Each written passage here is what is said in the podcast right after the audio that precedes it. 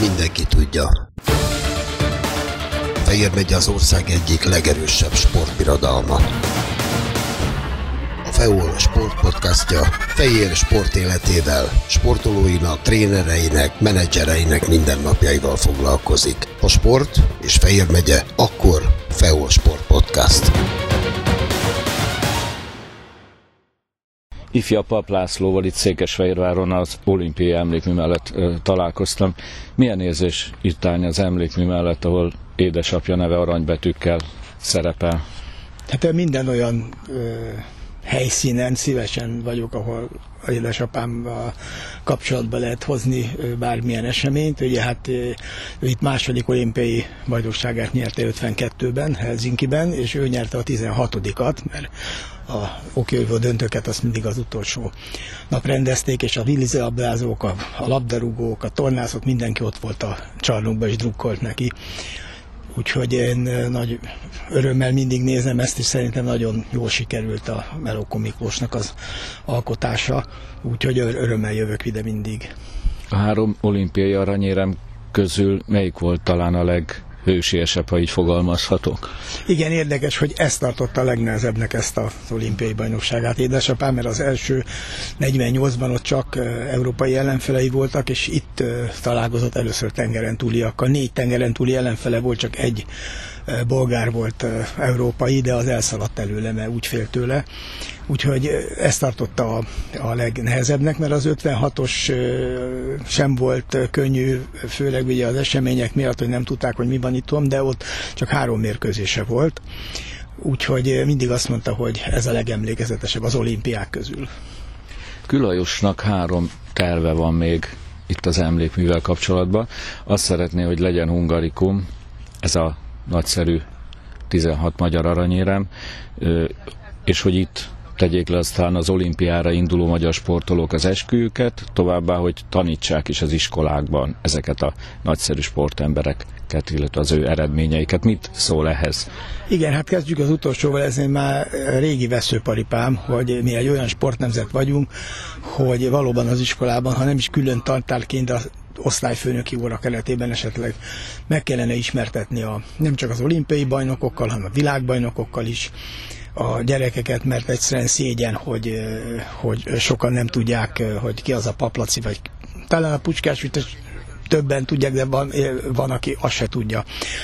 Tehát mindenképpen megérnevelnék ezek az emberek, hogy fennmaradjon a nevük, és, és mindenki tudjon róluk, mert olyan dicsőséget szereztek ennek a kis országnak. Ugye most már 10 millióan se vagyunk, ilyen teljesítményt sajnos már mi nem fogunk valószínű produkálni, de egyetlen olyan hozzánk hasonló lélekszámú nép sincs, amelyik megközelítené nem csak az 52-es eredményeket, hanem egyáltalán sporteredményeket, amit a magyarok elérnek. Úgyhogy mindenképpen a helye lenne az iskolában ezeket az embereket tanítani, és minden gyerekkel megismertetni. A másik, hogy legyen hungárikum, igen, úgy gondolom, pontosan az el, előbb elmondottak miatt is, hogy ez egy annyira egyedülálló teljesítmény volt, hogy gondolom, hogy megérdemli, hogy, hogy a hungárikumok közé tartozzon. A harmadik pedig, hogy itt tegyék le az esküt, szerintem ez is egy jó ötlet, jó ötlet mindenféleképpen, mert ez, ezzel nem csak a 52-es olimpia győztesei, helyezettjei előtt tisztelegnének a jelenlegi sportolók, hanem az egész egyetemes magyar sport tisztelegnének itt azzal, hogy itt teszik le az esküt, és innen indulnak az olimpiákra. Milyen volt Paplaci fiaként felnőni? Én azt olvastam róla, hogy bár ugye hatalmas ütései, pofonyai voltak a ringbe, de otthon nagyon szelid ember volt. Hát nem csak otthon ő, amint lejött a ringből, a ringbe is szelid ember volt, de ott a, az, egy, az egy más szituáció, hogy azért ment fölött győzőn, de tényleg nagyon szelid ember volt otthon is, meg egyébként is mindenkivel, jó indulatú volt, segítőkész volt, ő is mindenkinek segített. És milyen érdekes volt egy profi ellenfelé, akit háromszor ütött ki a Péter Müller, egy nyugatnémet boxoló volt, és borzasztóan szerette apámat, annak ellenére, hogy háromszor már kiütötte.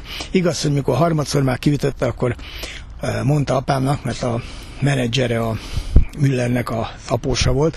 Ha még egyszer megkeres az apósom, akkor azt ne vállad már el, hogy velem bosszoljál.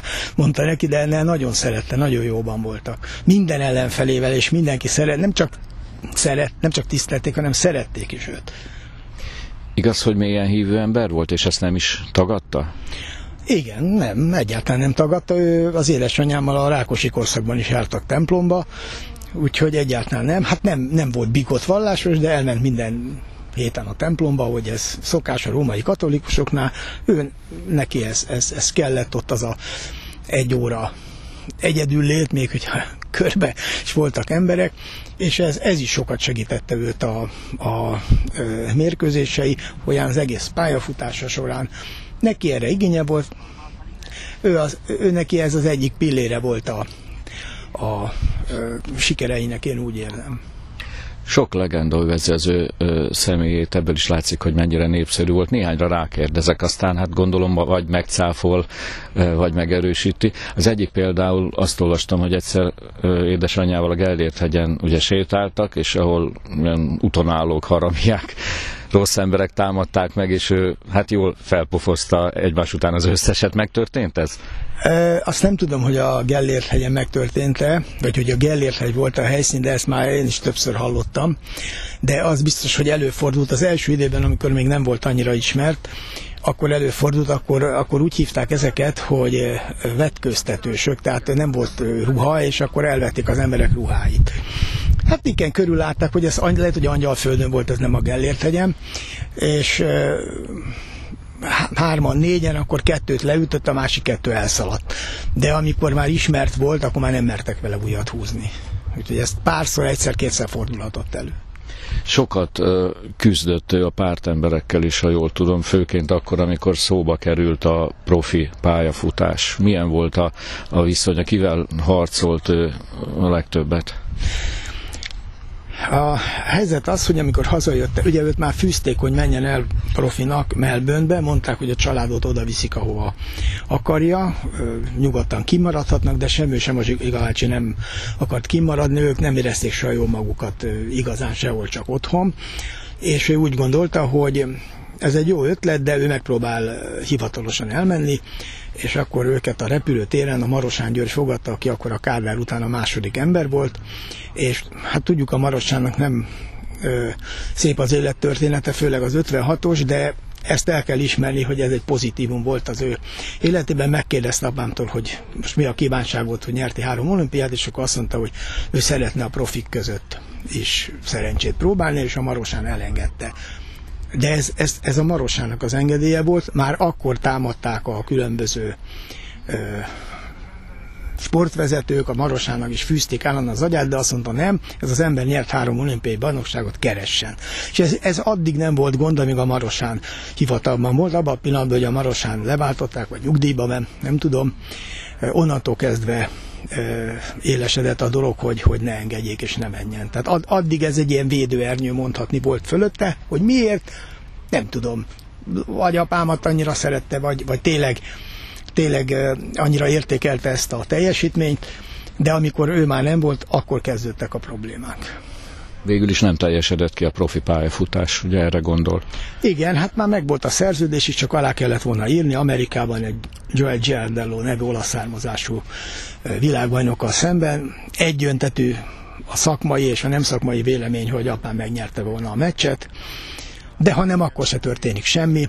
Ugye azzal magyarázták, hogy a edzője úgy gondolta, hogy már öreg ahhoz, hogy e, boxoljon tovább, és az edzőjére fogták ezt, ami nem igaz, mert a Zsiga bácsi azt mondta, hogy legalább még két-három év van benne. Bár nem már ugye 38 éves volt, de ennek ellenére nagyon jó formában volt, reflexei is, mit kitűnők voltak, tehát semmiféle egészségügyi oka nem lett volna ennek, ez csak egy kitaláció volt, mert egy pár ember irítségből nem engedte, ennyi. Hát egyetlen ö, profi mérkőzését sem veszített el de két döntetlen volt, az összes többi az győzelem. Két döntetlen volt, de az is úgy az egyik egy francia ellen, akit, hogyha ha kihoznak őt győztesnek, akkor annak vége lett volna a pályafutásának, hogy a francia lapok egyértelműen megírták, hogy pap nyert. és az olasz ellen is, ott meg azt mondják, hogy Olaszországban még akkor sem biztos, hogy győz az ember, hogyha leüti az ellenfelet. Ott szintén, szintén azt írták, hogy ez, a, ez, ez, ez úgy mondták, hogy a Garbelli, úgy hívták, neki kedvezett ez az eredmény, ez a döntetlen. Azt is olvastam, hogy amikor Madridban megvédte az Európa bajnoki címét, akkor Puskás, Öcsi és Kubala szervezett neki szurkoló tábort. Ez vajon igaz, meg történt? Ezt is hallottam több helyről. Én nekem ezt soha nem mesélte, de ez nem jelenti azt, hogy nem, mert ismerve az Öcsi bácsinak a stílusát el tudom képzelni, hogy ezt megszervezte, hogy a kasszíriai vendégmunkásokat odahívott és fizetett neki, hogy ott kiabáljanak, hogy hajrá pap. Mondom, én soha nem hallottam tőle ezt a történetet soha, de az nem jelenti hogy ez, ez nem így volt, és nem történt meg. El tudom képzelni, hogy ez, ez így történt. Csak két kubai érte el ugyanazt az eredményt mindő, azaz a három olimpiai aranyérmet. Ebben bizonyára nagy szerepe volt ugye Adler Zsigmondnak is. Hogy ismerte őt? Milyen ember volt az edző? Teofilö Stevenson és az Félix Szabon, de azt tudni kell, hogy ők nehéz súlyúak voltak, és nehéz súlyban mindig kevesebb a versenyző. Tehát a, a nagyon sok versenyző, ebbe a nagyváltó, ami már nincs, átalakították a súlycsoportokat, és középsúly. A legtöbb ember ez a súlyú. Itt van a legtöbb versenyző. Meg azt is tudni kell, hogy Kubában a nemzeti sport a box, Kubában boxgyárak vannak szinte, tehát olyan ö, ö, anyag van, amiből nem nehéz kihozni akár háromszoros olimpiai bajnokokat, és ami persze nem csökkenti az ő értéküket. Adler Zsigmondnak nagy szerepe van. Adler Zsigmond nagyon hamar abba az ökőívás, de részt vett Európa bajnokságon is volt magyar bajnok is, de ott a BTK-ban, ahol ő edző volt, az elnök azt mondta neki, hogy ő úgy találja, hogy nagyon jó tudná oktatni a boxot, és inkább legyen edző, és ezért abba hagyta. A Torma 2 is az ő tanítványa volt, aki apámnak a nagy riválisa volt. Ő rokonai az átment Csehszlovákiába, és Csehszlovák színekben volt olimpiai bajnok. Ez is a Zsiga bácsi ötlete volt, hogy ne ugyanabban a súlycsoportban induljanak 48-ban a Torma is, meg apám is, mert akkor az egyik nem lesz olimpiai bajnok, és akkor apám nem abban a súlycsoportban indult, hanem egyel lejjebb, ha jól emlékszem, és így mind a ketten olimpiai bajnokok. A Zsiga bácsi nagyon jó edző volt, világ egyik legjobb edzője volt. És ők ketten egy olyan párost alkottak, hogy, hogy egy, egy mozdulatból, egy kacsintásból, egy, egy szem mozdulatból már értette apám, kinézett rá a meccs közben is akár, és mutatott valamit a zsigabács, se tudta, hogy mit kell csinálni. Úgyhogy annyira összeszokott páros volt. Ön mivel foglalkozik mostanában? Mennyire figyeli az ökölvívást, a sportot? Hát én semmivel úgy nem foglalkozom, mert nyugdíjas vagyok, a családdal foglalkozom, és apám emlékének őrzésével próbálok foglalkozni.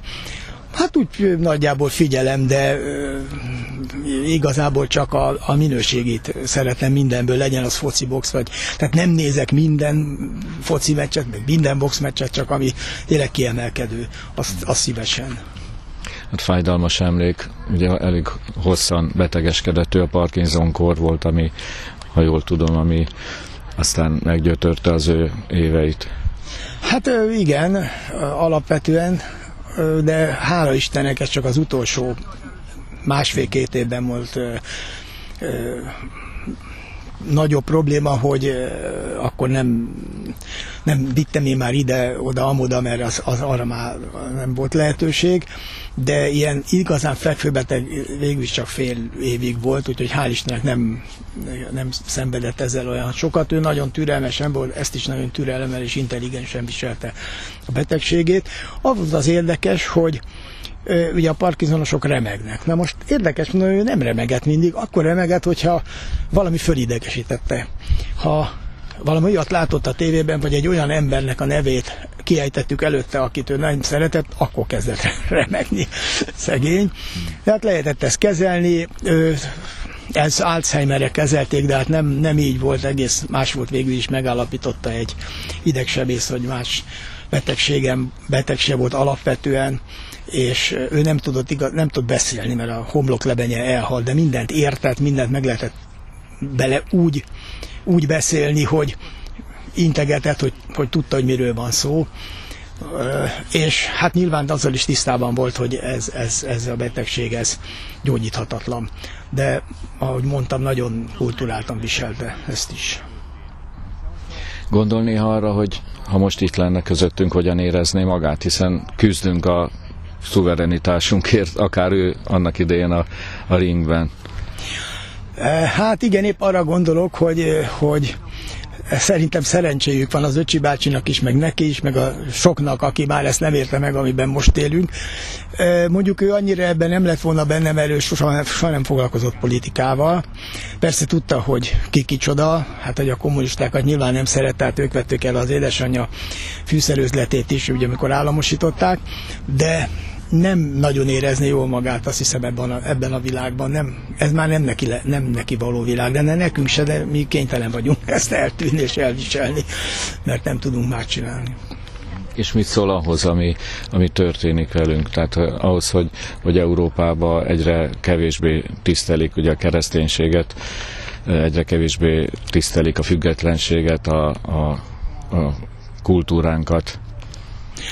Hát botrányos, és egész egyszerűen nem értem ezeket a nyugat-európai népeket. Tudom, hogy nekik már 70 éve mossák az agyukat, a milyen csak, csak 30, de az, hogy, eh, hogy emberek ne ismerjék azt föl, hogy egyszerűen eh, kihalnak, és, és eh, el fog tűnni egy-egy népcsoport, meg az országuk, ezt, ezt, ezt, ezt nem, nem is értem, hogy ez Ugye ott el van zárva, ha jól tudom, Nyugat-Európában a információ az emberektől, de hát mi is el voltunk zárva a kommunizmus alatt, mégis hallgattuk a Szabad Európát, innen, onnan, amonnan tájékozottunk, és tudtuk, hogy mi van, annak ellenére, hogy el voltunk zárva. Úgyhogy számom, számomra érthetetlen ez, hogy hogy én nagyon szerettem, szeret, ugye akkor nyugatot imádtuk, szerettünk kiárni, Bécsbe is, Münchenbe is nagyon szerettünk. Most már nem nagyon kívánkozom, megmondom őszintén. Nem szeretnék úgy sétálni a a Mária Strassen, hogy mindig hátra nézek, hogy nem akarja valaki elvágni a torkomat. Szóval ez egy katasztrófa. Lehet, hogy ez egy kicsit túlzás, amit most mondok, de biztos vagyok benne, hogy nem olyan világban, mint a, a 60-as, 70-es, 80-as években, amit mi szerettünk, mint nyugatot, ezt a szoci, úgynevezett szociális piacgazdaságot, ez már nincs. Ez egy globalista, vadkapitalista társadalom. Mennyire elégedett azzal, hogyan őrizzük édesapja emlékét. Hát most elég csak egy dolgot mondanom, hát a nagyszerű, gyönyörű sportcsarnokunk a fővárosban is az ő nevét viseli. Hát ez nagyon felemás ez az én elégedettségem, mert most lesz 20 éve, hogy elnevezték jövőre a csarnokot, és a mai napig nincs kiírva sem elé, se rá, sehova a neve a csarnoknak, ami egyszerűen nonsens pedig már több helyen szóvá tettem ezt, értetetlen. Meg hát nem nagyon írják ki, hogy Paplászló Budapest sportterén a plakátokra, mert ez hosszú is, hát nem annak kellett volna elnevezni, hanem Paplászló arénának kész, ugye, hogy Puskás Ferenc aréna. Mi, minek kell oda, hogy sport, pláne sportaréna, amikor alig van benne sport, mert ugye kulturális rendezvények vannak.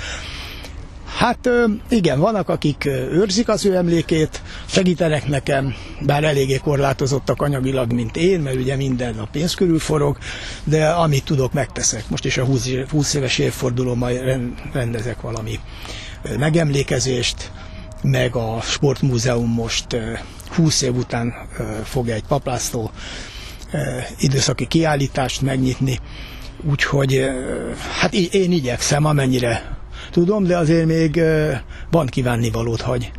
Hagy kívánnivalót maga után a, a hivatalosságok részéről, hogy finoman fogalmazzak, ez a paplászló emlékének őrzése. Sok sikert kívánok mindez, és köszönöm szépen a beszélgetést. Én is köszönöm. Majd utána... Mindenki tudja. Fejér megy az ország egyik legerősebb sportbirodalma. FEOL sportpodcastja Fejér sportéletével, sportolóinak, trénereinek, menedzsereinek mindennapjaival foglalkozik. A sport és Fejér megye, akkor FEOL Sport Podcast.